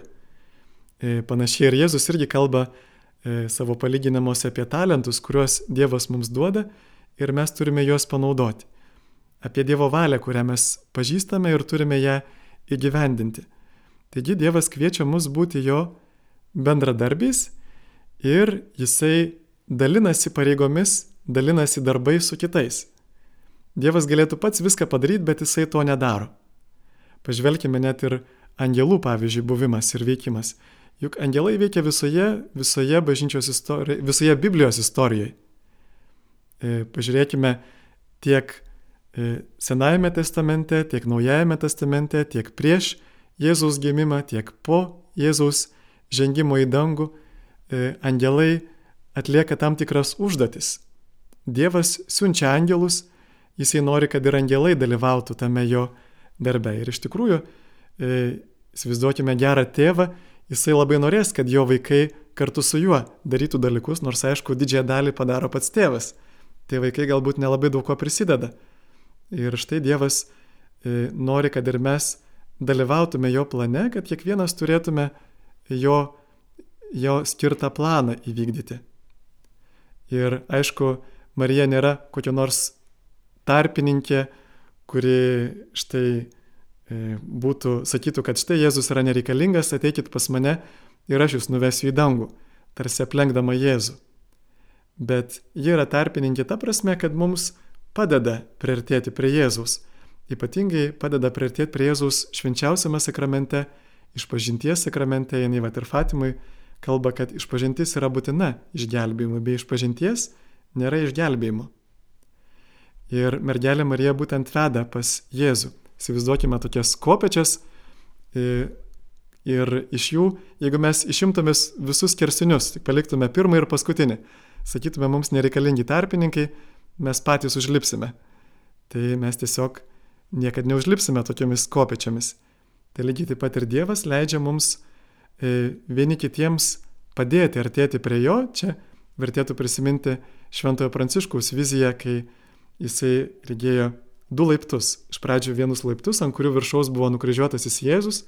Broliai lipo tais laiptais ir nuolat krizdavo. Jiems būdavo per sunku, jie neįveikdavo tos, na, ne, nelikdavo ištikimi Jėzui. Nelikdavo iš, ištikimi tam, e, ištikimais jo sekėjais. Galiausiai laiptų viršuje pasirodė mergelė Marija. Ir ji jiems padėjo daug greičiau užlipti tais laiptais. Taigi tai yra tarsi Dievo pagalba, kuri per savo motinišką paguodą, motinišką meilę, užtarimą mums padeda įvykdyti Dievo valią. Ypatingai savo pavyzdžių, kaip minėjau, Marija yra pamaldumo įkūnymas, tyrumo, nuolankumo, klusnumo Dievo valiai įkūnymas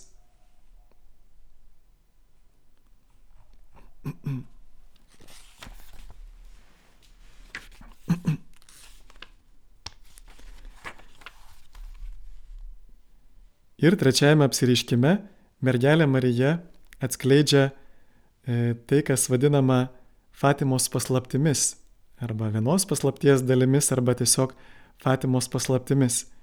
Vaikeliai visų pirma regėjo pragaro viziją.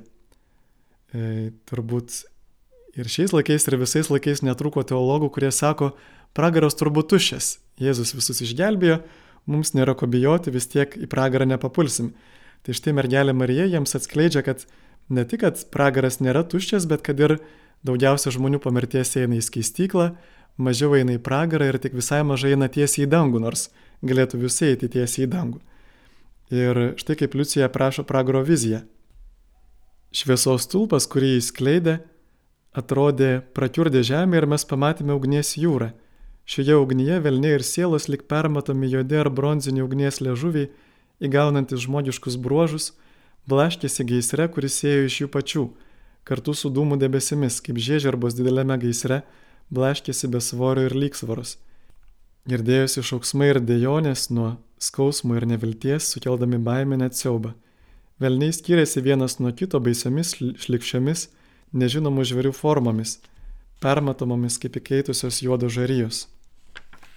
Ir Liucija kalba, kad e, jeigu Dievo motina nebūtų žadėjusi jų pasimti į dangų, tai jie būtų tiesiog numirę iš siaubo. Taip pat e, antroji paslaptis kalba apie tai, kad šių sielų išganimui Dievas prašys visų kreiptis į mano nekalčiausiai širdį. Jeigu jie tai darys, kaip aš jums pasakysiu, daug sielų bus išganyta ir ateis taika. Karas baigsis, tačiau Dievo užgauliojimai nesibaigs. Ir prie Pijaus 11 prasidės kitas karas, daug baisesnis už šitą. Kai pamatysite naktį apšviestą nežinomos pašvaistis, žinokite, kad tai didelis ženklas, kurį siunčia Dievas, pranešdamas jums, kad tuo karu, badu ir bažnyčios bei popiežiaus persikėjimais jis baus pasaulį už jo nusikaltimus. Norėdama tam sukliudyti, aš prašysiu paukoti Rusiją, mano nekalčiausiai širdžiai. Taip pat prašysiu, kad žmonės eitų prie komunijos kiekvieno mėnesio pirmąjį šeštadienį. Jeigu mano prašymai bus išgirsti, Rusija atsivers ir bus taika. Jeigu ne, jos klaidos paplis visame pasaulyje, bus siejamas karas ir bažnyčios persekiojimai, teisėjai taps kankiniais, daug kentės šventasis tėvas, bus išnaikinta daug tautų. Bet galiausiai mano nekalčiausiai širdis laimės. Šventasis tėvas paukos man Rusiją, kurie atsivers ir pasauliui bus suteiktas taikos laikotarpis. Tai štai šita paslaptis atskleidžia tokius dalykus, kurie galima pastebėti šiandien yra tapę labai nemadingi. Pavyzdžiui, pragaras, e, bausmė, rožinio malda, skaistybė, kančių aukojimas, visi šitie dalykai mūsų dienomis tapo kažkodėl labai nemadingi. Būtent tai, ką mergelė Marija norėjo atskleisti Fatimoje vaikams, kad visa žmonija būtų išgelbėta. Aišku, galima nuspėti, iš kur ateina tas mados. Netgi vėliau mergelė Marija e, buvo Jacintai pasakiusi, kad bažnyčia neturi madų, kad neturime sekti tomis madomis, ypatingai to e, neskaistumo srityje. Taigi šita antroji Fatimos paslapties dalis yra, galėtume sakyti, netgi politinė ir ji iš tiesų išsipildė. Šitie išpranašauti įvykiai tikrai įvyko, iš tiesų karas jau, na jo kibirkštas užuomasgos prasidėjo valdant popiežiui Pijui XI ir iš tiesų dėja Rusija paskleidė savo klaidas po pasaulį.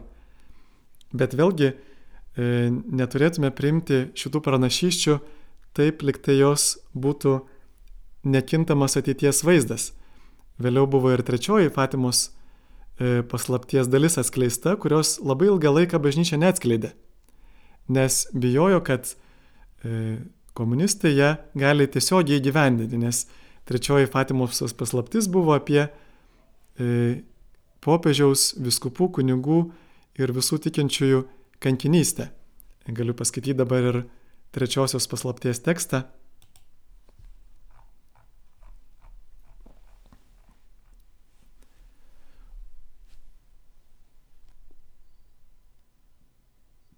Štai Liucija rašo.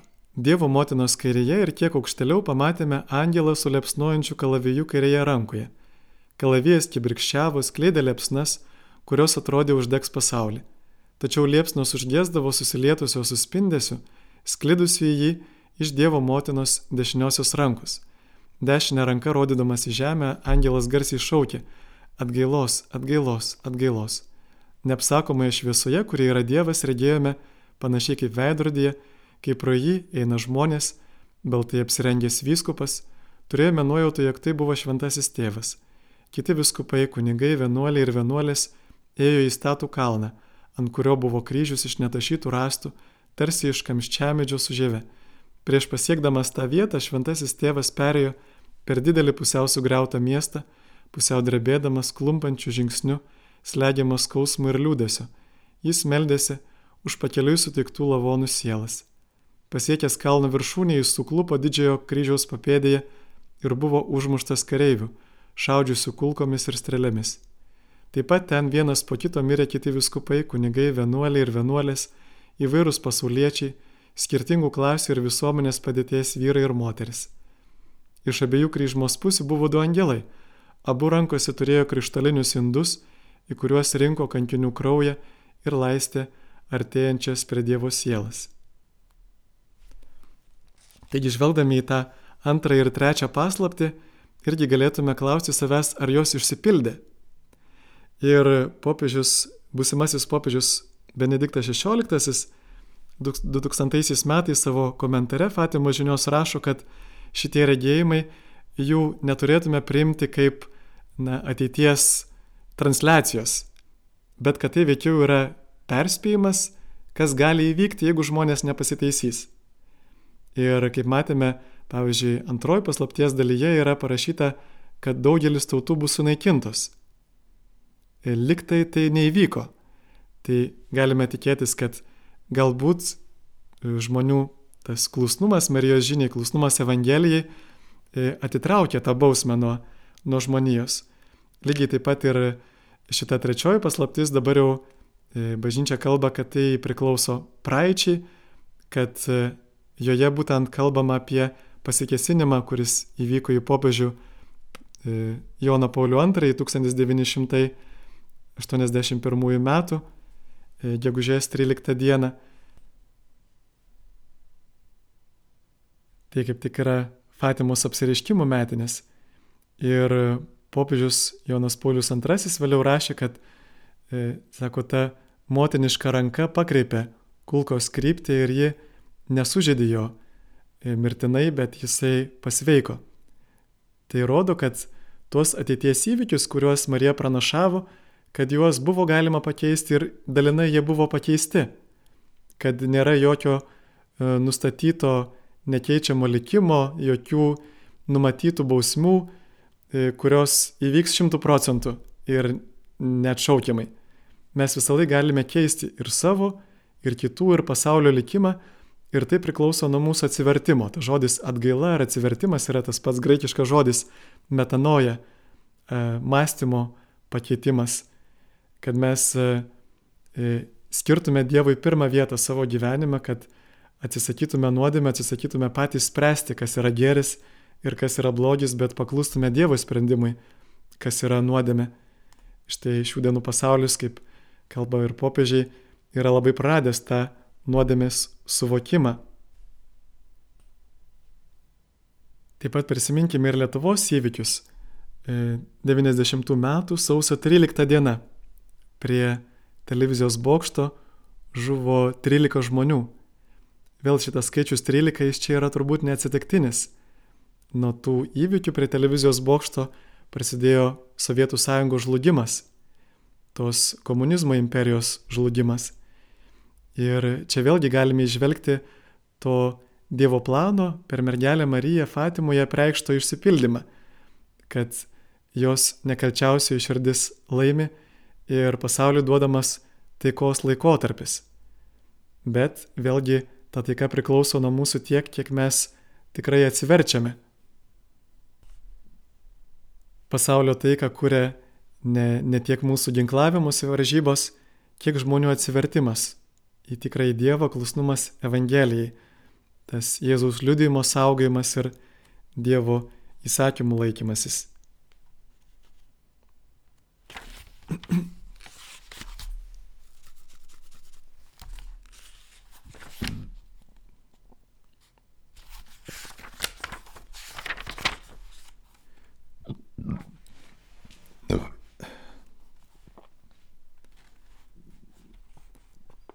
Trečiojo apsireiškimo metu mergelė Marija taip pat e, padiktavo vaikams tą maldą, kurią mes dabar kalbame apie rožinio. Kiekvieno slėpinio jis sakė, kai kalbėsite rožinį, po kiekvienos paslapties sakykite, o mano Jėzau, atleisk mums mūsų kaltes, apsaugok mus nuo pragaro ugnies, nuvesk į dangų visas sielas, o ypač tas, kuriams labiausiai reikalingas tavo gailestingumas. Ir čia kai kurie komentatoriai bandė tą maldą išversti, liktai vaikai melstusi už sielas keistykloje. Bet štai Liucija pataisė, sako, mes labai aiškiai supratome, kad čia eina kalba būtent apie tas sielas, kurioms grėsia patekti į pragarą. Ir mūsų bažnyčioje taip pat yra labai gerai, kad mes turim tą tradiciją melstis už mirusiuosius, bet daug svarbiau yra, dar svarbiau yra melstis už tuos, kurie gali amžinai pražūti. Štai tie, kurie yra skaistykloje, jų likimas jau yra, galėtume sakyti, apspręstas, jie jau yra išgelbėti ir anksčiau ar vėliau jie įžengs į dangaus garbę. Tačiau tie, kurie gyvena žemėje, kurie yra sunkios nuodėmės būsenoje, kurie nesitaiso, štai tie žmonės yra didžiausiame pavojuje ir būtent juos turėtume prisiminti šitą maldą. Čia yra didžiausias Marijos ir Jėzaus troškimas, kad mes melstumės už nusidėlio atsivertimą. Prisiminkime, Jėzus ir e, Šventai Faustinai yra pasakęs, kad yra viena malda, kurios visada išklausau, o tai yra būtent už nusidėlio atsivertimą.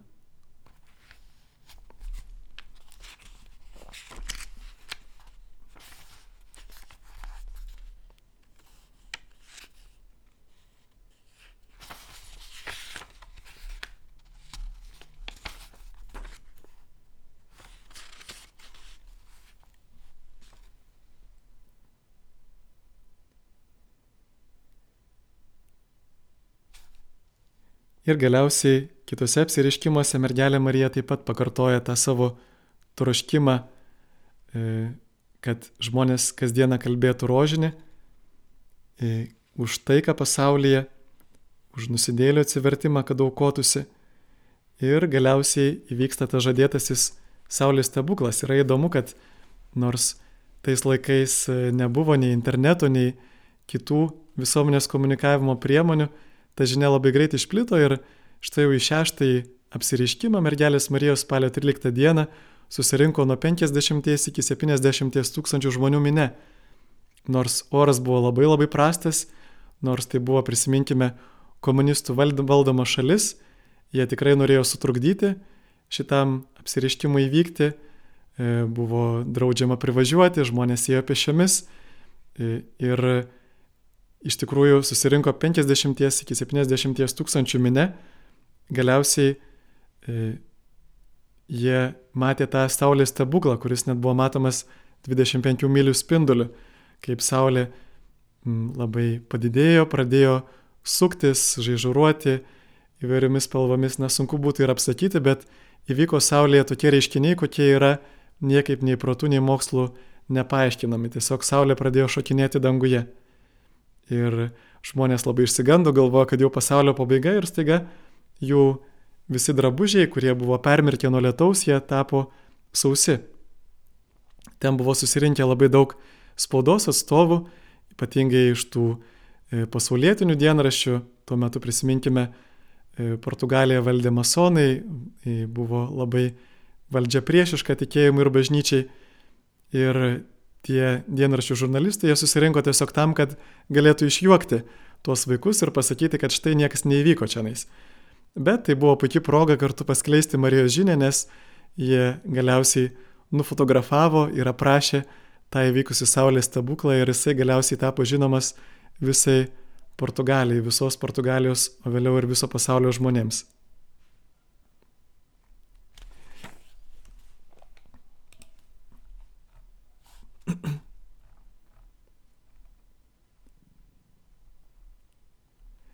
Taigi galėtume vėl apibendrintai klausti, o kokie yra svarbiausia esminė žinia tų Fatimos apsireiškimų. Ir čia turbūt yra e, viena mintis nuolat pasikartojanti gelbėti sielas. Taip pat trečioje paslaptyje yra tie žodžiai atgailos, atgailos, atgailos. Ir taip pat yra mergelės Marijos ir Jėzaus rūpestis, e, kad būtų šalia Jėzaus švenčiausios širdies gerbiama ir nekalčiausiai Marijos širdis. Jėzus nori būtent per tą pamaldumą nekaltai Marijos širdžiai gelbėti sielas nuo pragaro, nori duoti mums mergelę Mariją, kad ji tikrai mus išmokytų mylėti, išmokytų tikrai garbinti Dievą savo gyvenimu, savo atsivertimu. Prisiminkime ir bažnyčios e, pirmųjų amžių rašytojai, Jėzų vaidino, vadino naujojo domu, o Mariją vadino naująją Jėvą. Ji yra tų naujų žmonių, naujos žmonijos motina. E, naujos žmonijos ta prasme, kad esame atgimę iš šventosios dvasios ir nebedarome, siekiame nebedaryti nuodėmių.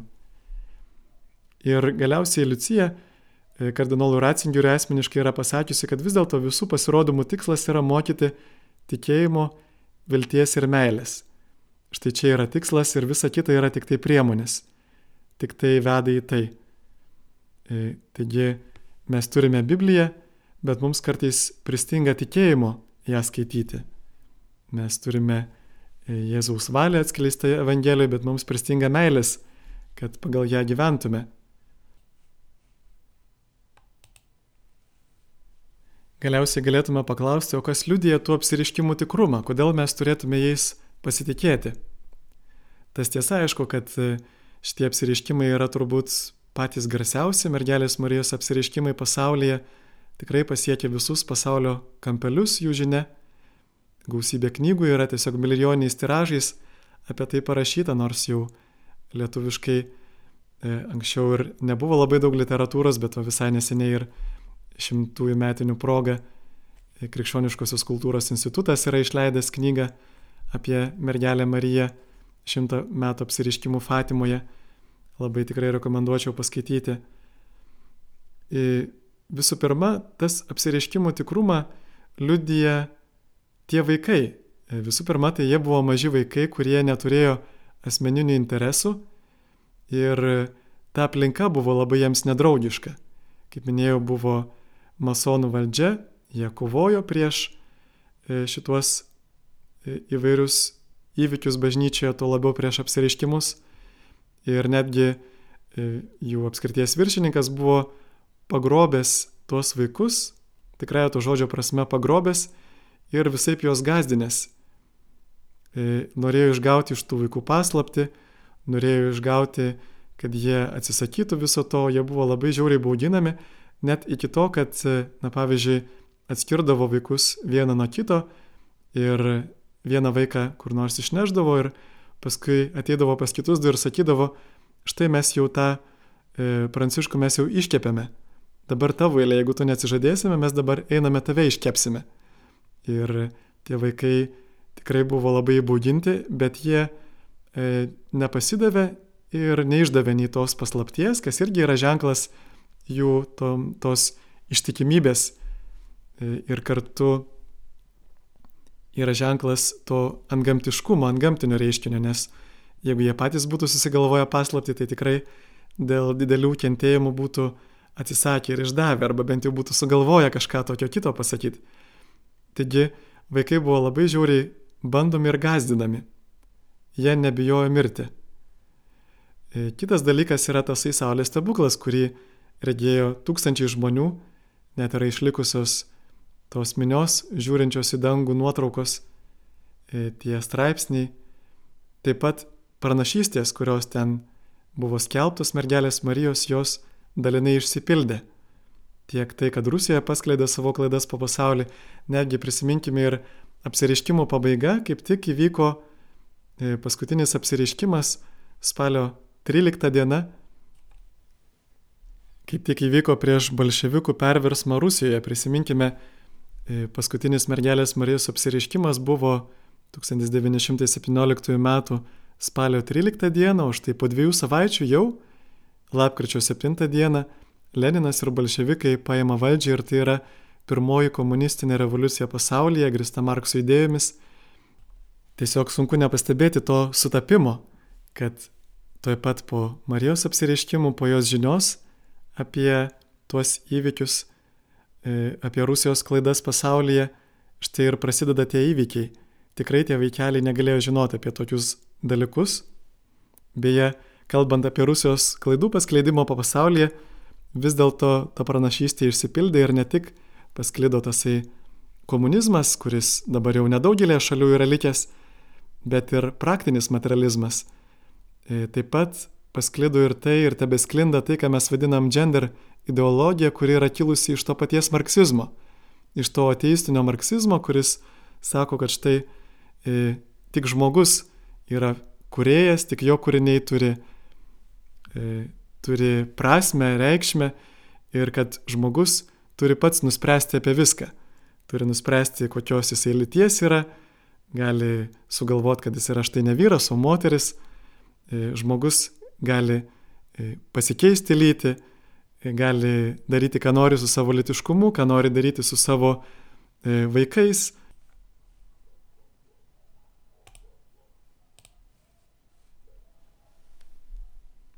Galime pastebėti, kad tai, kur dabar žengia pasaulis, ką jisai rodo kaip pažanga, E, tos įvairios kairiosios politinės jėgos pasiūlo kaip pažanga, ta visa seksualinė revoliucija, laisvas seksualinis gyvenimas, e, visa tai jau buvo įgyvendinta bolševikų, vos tik jiems atėjus į valdžią.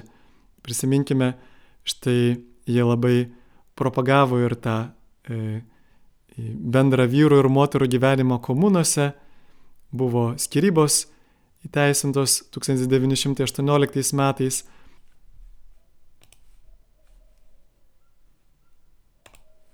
Abortas įteisintas 1920 metais, 1922 įteisinti homoseksualūs santykiai. Taigi, tai visa tai yra Lenino planas. Ir labai graudu, kai mes matome, kad šių dienų pasaulis, netgi didžiausios institucijos kaip Junktinės tautos, ES, netgi kai kurios institucijos jos įgyvendina šitą Markso projektą. Tai, ką darė Leninas, tai dabar daro mūsų šitos organizacijos, e, propaguodamos ir netgi per prievartą, brūkdamos šituos dalykus, kurie greuna šeimą ir kartu greuna visuomenę, kurie pateikiami kaip mūsų laikų pažanga, nors tai yra labai senas dalykas. Ir štai tokiame kontekste būtent šitos šito karo prieš vaikus, karo prieš šeimą kontekste Marijos nekalčiausiai širdis yra iš tiesų labai svarbus ir atrodo visai logiškas priešnodis, kurį Dievas mums duoda. E, melskime ir mes, mergelės Marijos, kartu su ją melskime, mąstykime rožinį kiekvieną dieną, rožinius lėpinius, atsiteiskime ir už Dievo garbės įžeidimus ir kartu už tuos visus pikžodžiavimus prieš mergelę Mariją, kad tikrai galėtume primti šią didžią dovaną mergelės Marijos ir kad kartu su ją nutyrintume savo širdis, kad taptume naujais žmonėmis, kurie laikosi Dievo įsakymų ir saugo Jėzaus liudijimą. Amen.